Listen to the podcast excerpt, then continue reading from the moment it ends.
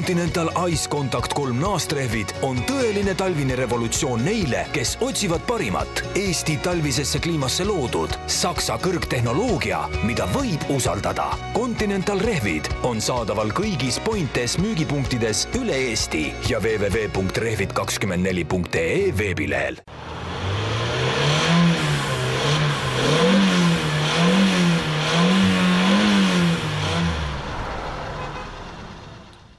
tere ilusat kolmapäeva, mina olen Jan-Mats Mandri, minuga on saates Ülle Tampere. tere hommikut! teeme jälle istmesoojendust. autoteemad sellel nädalal on sellised, arutame kahe kõige populaarsema nelikveo üle siis, kumb parem on, kas Quattro või X-Drive. räägime ka Brüsseli otsusest keelustada sisepõlemismootorid, soomlaste autohäbist ja proovisõiduautoks oli sel nädalal Mazda CX kolmkümmend nipinurgas räägime kindlustusest, äh, sellest, missugused kindlustuse tüübid üldse olemas on, mida nende puhul silmas peaks pidama ja miks just konkreetsel hetkel sõlmida mingisugune kindlustus. tuletame veel meelde, et kindlasti tasuks vaadata meie Facebooki lehte, see on siis istmesoojendus, ja loomulikult lugeda nii Fortet kui ka Acceleristat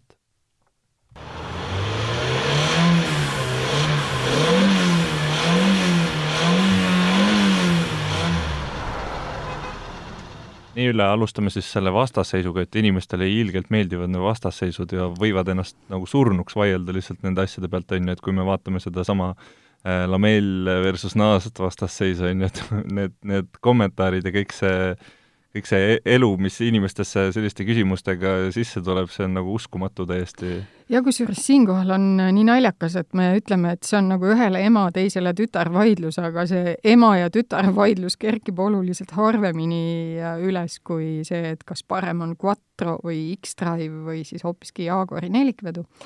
ja see lugu, mis nüüd siis äh, Fortes mõni päev tagasi ilmus, ei ole tegelikult Eesti originaallugu, vaid on siis Tire Reviews tehtud võimalikult võrdne võrdlus talvetingimustes, et äh, milline, millise brändi nelikvedu siis sooritab paremini. ja no siis pandi vastamisi Audi ja BMW ja toodi siis ka Jaguar mängu no ja veel enne, kui inimesed seda videot hakkasid vaatama, siis muidugi tarkust oli kõigil omajagu, et ja, ja läkski kakluseks. ja see, see ongi nii kummaline, et ma, ma ei saa sellest fenomenist aru. kas sina oled mõlemat nelikvedu proovinud? Äh, ma ütlen jah, olen küll, olen küll, aga noh, ma olen selles mõttes, ma, ei oska öelda, seal on mingid sellised militantlikud inimesed, kelle puhul see ongi nagu ma, ma näiteks Naasto ja Lamelli selle kaklusega on täpselt sama asi, et ausalt öeldes noh, ma, ma küll, mul on mingisugune oma arvamus, aga nüüd see, sellega nii kaugele minna, et äh, kuskil internetis hakata kellegi anonüümsega kaklema, sellepärast et kumb siis ikkagi parem on, et kas lamell või naast, et see on minu jaoks nagu huvitav fenomen täpselt samamoodi, et sama asi on selle, selle X-Drive'i ja Quattroga, et noh,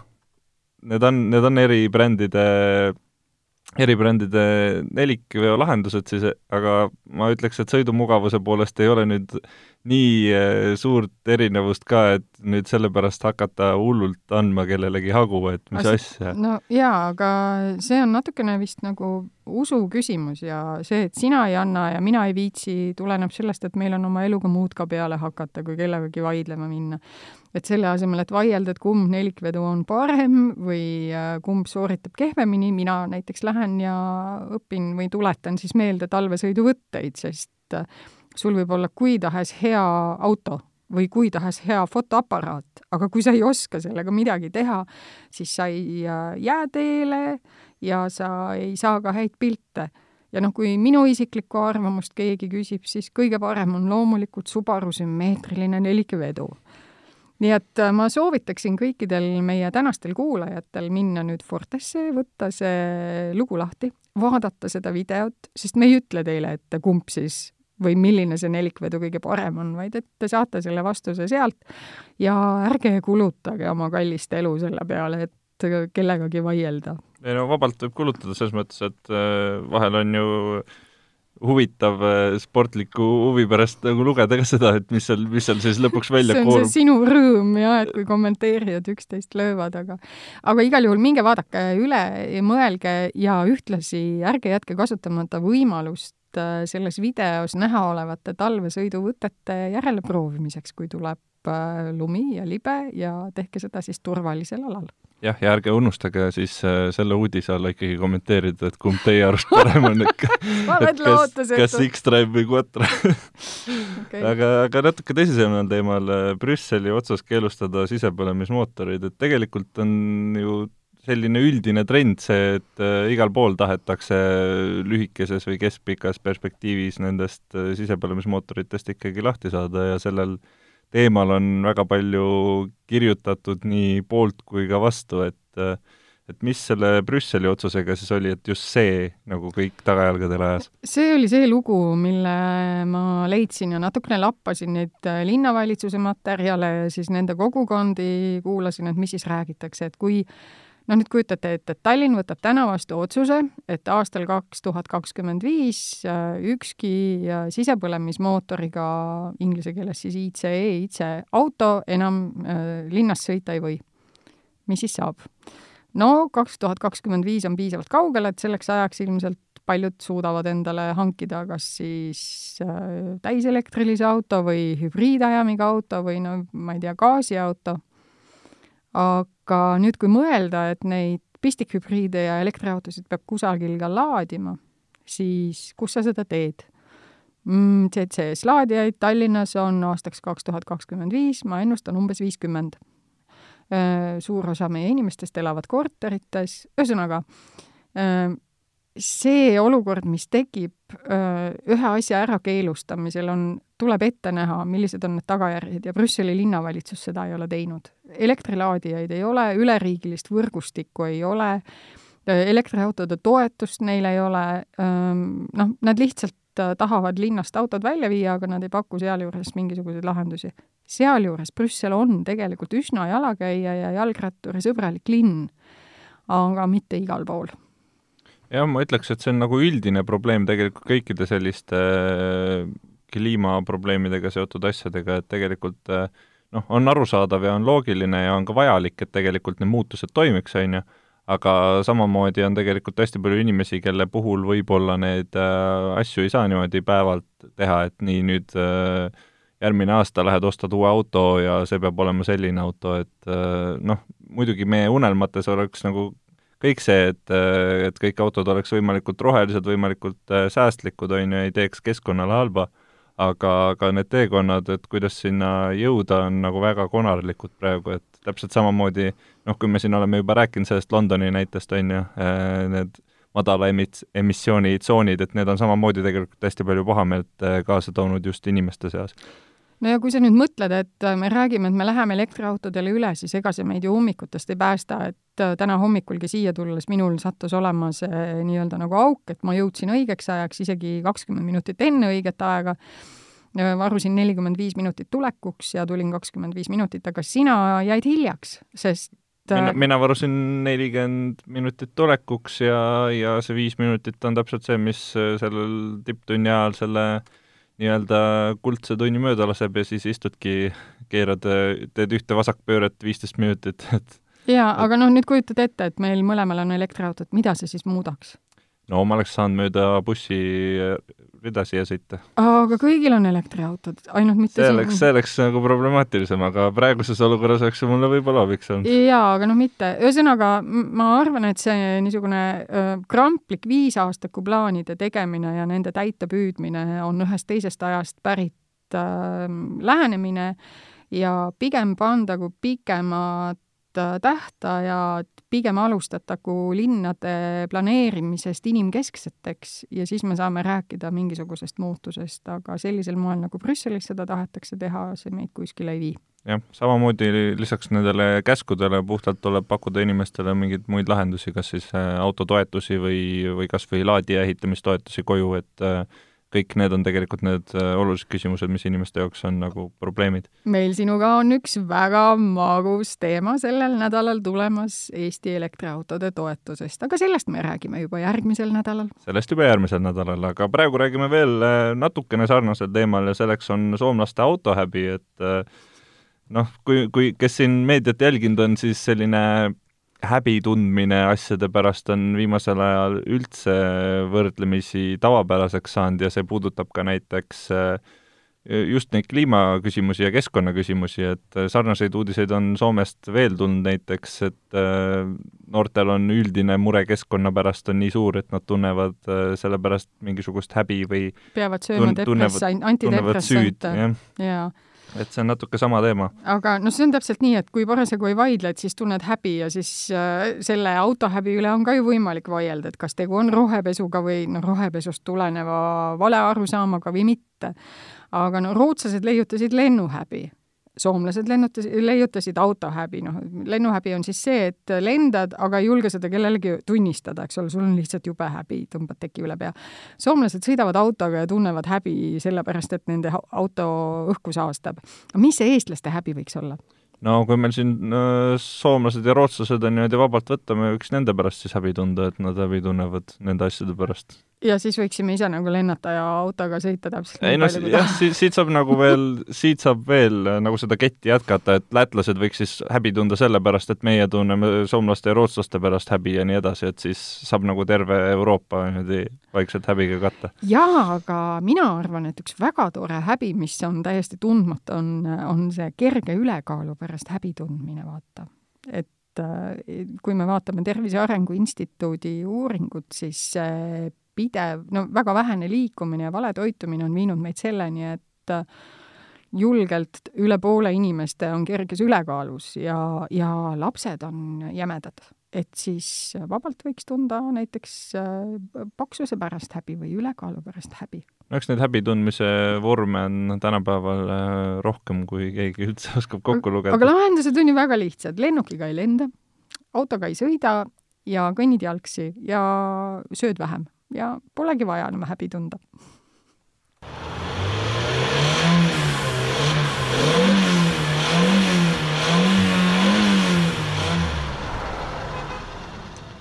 ja sellel nädalal istusime siis, ma ei, ma ei tea, kas sina istusid sel nädalal, mina istusin sellel nädalal konkreetselt äh, ühe punase iluduse rooli. jaa, mina istusin äh, sellel nädalavahetusel äh, Mazda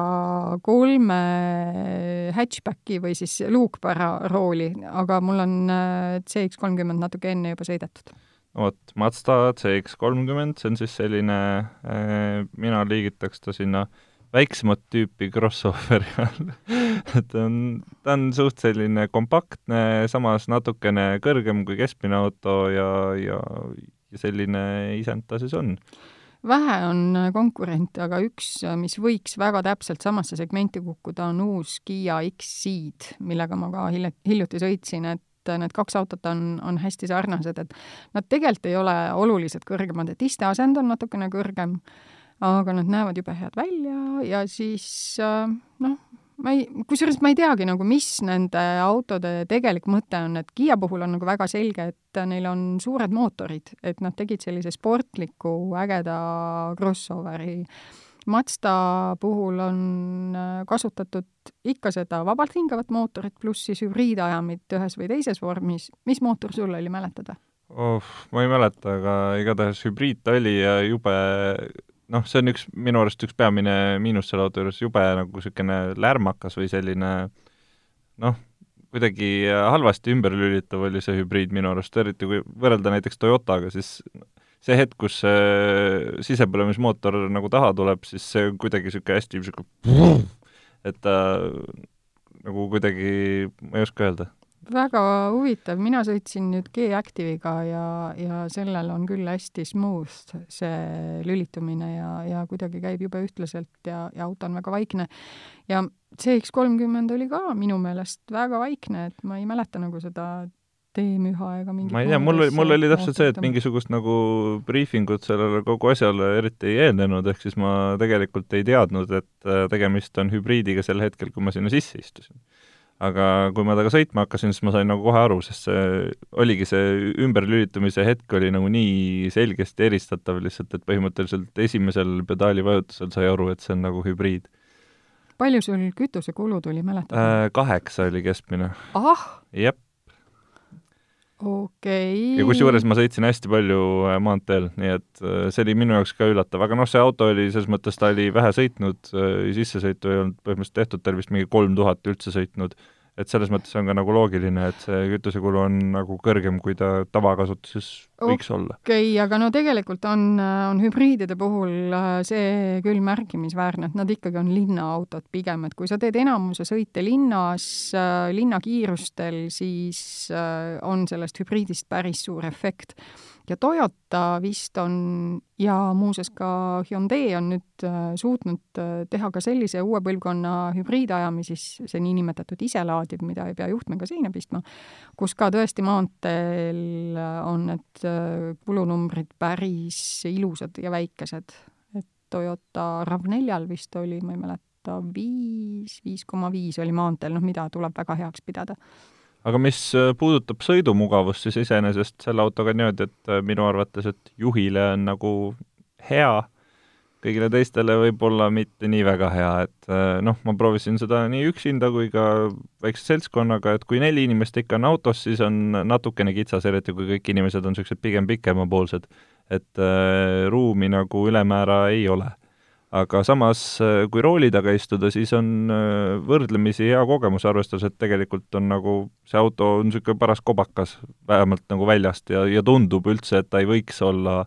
nii äh, hästi kontrollitav kuidagi niisugune visu-, visuaalsel pilgul peale visates. ma ütlen selle kohta jälle ah, sest minu meelest on tegu väikese, kompaktse, päris ilusa disainiga autoga. Aga mis mulle Mazda puhul meeldib, on, on see, et sa ei pea neid äh, funktsiooninuppe otsima, ma ei tea, kuskohast mööda autot laiali, vaid näiteks seesama mm, kohanduv kiirushoid, hoidik läheb peale nii, et sa roolil äh, siis paremal pool liigutad ühte nuppu rooli peal ja, ja kõik on tehtav. jube lihtne. see oli üldse väga hea, ma just tahtsin äh, välja tuua, kui ma oleks ühe, ühe nagu väga hea asja saanud välja tuua, siis ma oleks just rooli välja toonud. Sest et rool oli tõesti väga ilusa disainiga, esiteks tal oli nagu need kodarad olid hästi kitsad, ei olnud midagi üleliigset, aga samas olid kõik need nupud suudetud sinna mahutada, et äh, teame ju hästi palju seda, et mõned tootjad teevad niisuguse suure massiivse rooli, kus on kaks nuppu, on ju, keskel, et seal oli vist mingi kaks rida nuppe, on ju, mingi kümme nuppu põhimõtteliselt. ja, ja kõik need olid ilusti sinna nagu sellise kompaktse disaini sisse mahutatud ja ma tegin tegelikult spetsiaalselt veel ka pildi sellest roolist ja see läheb äh, meie Facebooki, et kes tahab seda rooli minna vaatama siis, et millest me, millest ma räägin, siis äh, see on seal täitsa olemas mis mind veel üllatas, äh, talv, talvisel ajal ise lülitab sisse roolisoojenduse, istmesoojenduse sellel hetkel, kui auto ja. on külm ja kui, kui auto soojaks saab, siis lülitab uuesti välja. lülitab ise välja, jah. see oli nagu super mõnus. noh, Mazda puhul tuleb minu meelest tähele panna nende kvaliteeti, ma mäletan, kui ma mõni aasta tagasi käisin sõitmas ühe nende keskklassi linnamaasturiga, siis ma küsisin kõva häälega, et aga milleks meile BMW et noh, Mazdat on alati naljatamisi nimetatud jaapanlaste BMW-ks, aga kui sa vaatad selles autos ringi, millised kvali-, milline on materjalide kvaliteet, ähm, milline on heliisolatsioon, siis äh, tõepoolest ta on, ta on väga kvaliteetne. kuigi, kui nüüd panna kõrvuti CX kolmkümmend, siis ma soovitaksin teil üle vaadata ka Kiia X-Ceed ja siis otsustada, sest et Kiia X-id lõi ka ikka vastu vahtimist täiesti selle stiili ja kvaliteediga, see on, minu meelest see on päris uskumatu, mis toimub, et äh, nendel niinimetatud esmaklassi autodel ei ole varsti enam mitte ühtegi argumenti, miks, miks peaks tahtma keegi maksta nii palju raha. Vot, nii et äh, kellel crossoveri huvi on olemas, siis tasub kindlasti minna CX kolmekümmet proovida. just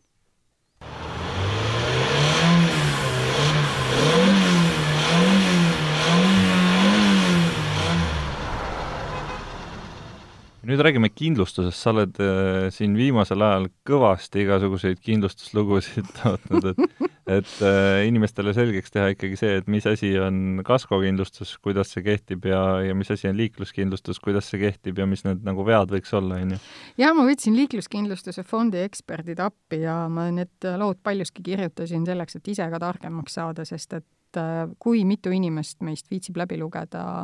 need lepingud, kindlustuslepingud, olgu see siis vabatahtlik, eks ole, kasko nii-öelda, või siis äh, kohustuslik liiklu-, liikluskindlustus, et enamik meist, meist neid ju läbi ei loe. ja siis on jube hea, kui ekspert teeb sulle nagu lihtsustatud ülevaate puust ja punaseks ja, ja tuli välja see, et on päris palju olukordi, kus kindlustus ei kehtigi. ehk siis kõik see, mis me arvame, et ähm, et noh, et jube vahva on näiteks autoga sõitmas käia kusagil ringrajal või, või ma ei tea, minna jää peale sõõrikuid joonistama, siis mitte üks kindlustus ei ka-, kata seda, kui midagi juhtub. sa pead selleks eraldi kindlustusseltsiga sõlmima lepingu.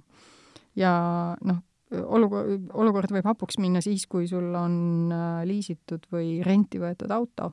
kui su oma auto on, eks sa siis tead ju, mis sa oma varaga teed. aga no liikluskindlustuse puhul on näiteks üks nüanss, mis, äh, mida Uku muuseas tuletas ka meelde et kui sa oled jääknähtudega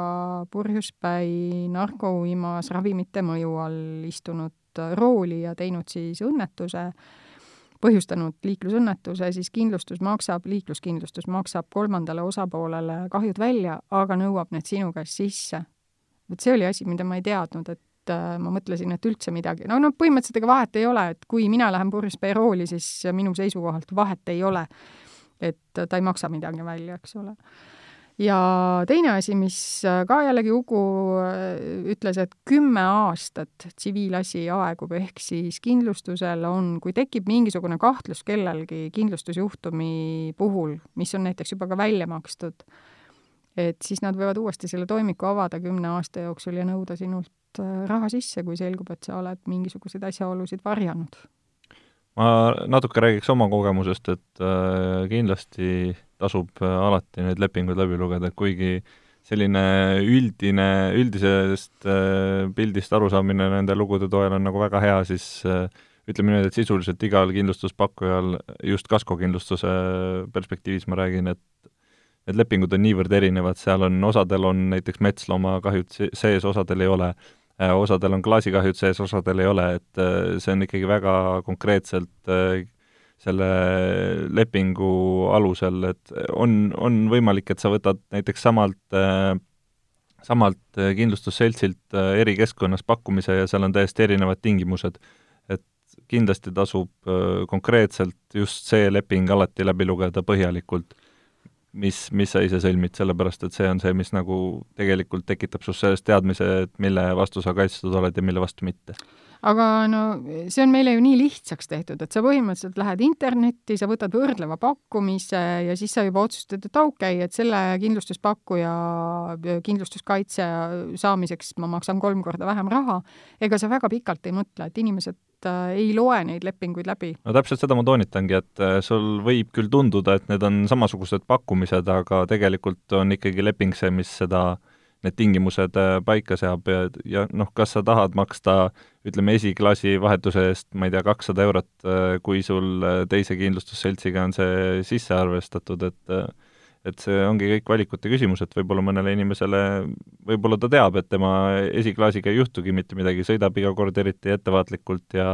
ja sõidab sellistel lõikudel, kus ei ole suurt liiklust ja võib-olla lahtist kruusa või mingeid kive. et aga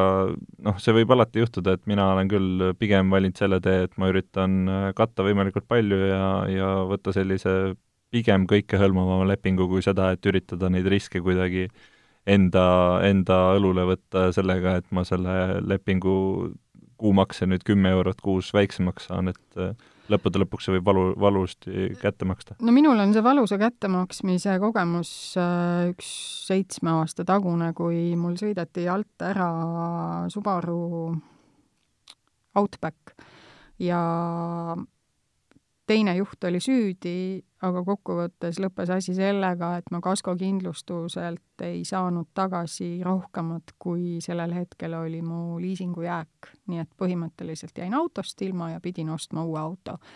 ja noh, täna on muidugi hea öelda, et oleks ju võinud lepingut lugeda, et oleks ju võinud valida selle kindlustusseltsi natukene paremate tingimustega ja maksta pisut rohkem ja noh, teine kogemus on nüüd hiljaaegu siis, kui, äh, kui jällegi ühe Subaruga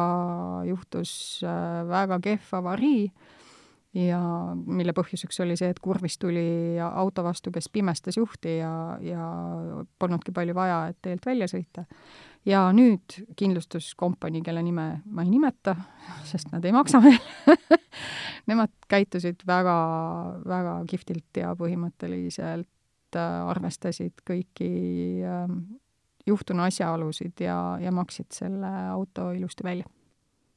no vot, sellised äh, tõsised teemad siis siia lõpetuseks ja mis siis muud, kui kõik läheme ilusti oma kindlustuse ja kaskokindlustuse lepinguid lugema ja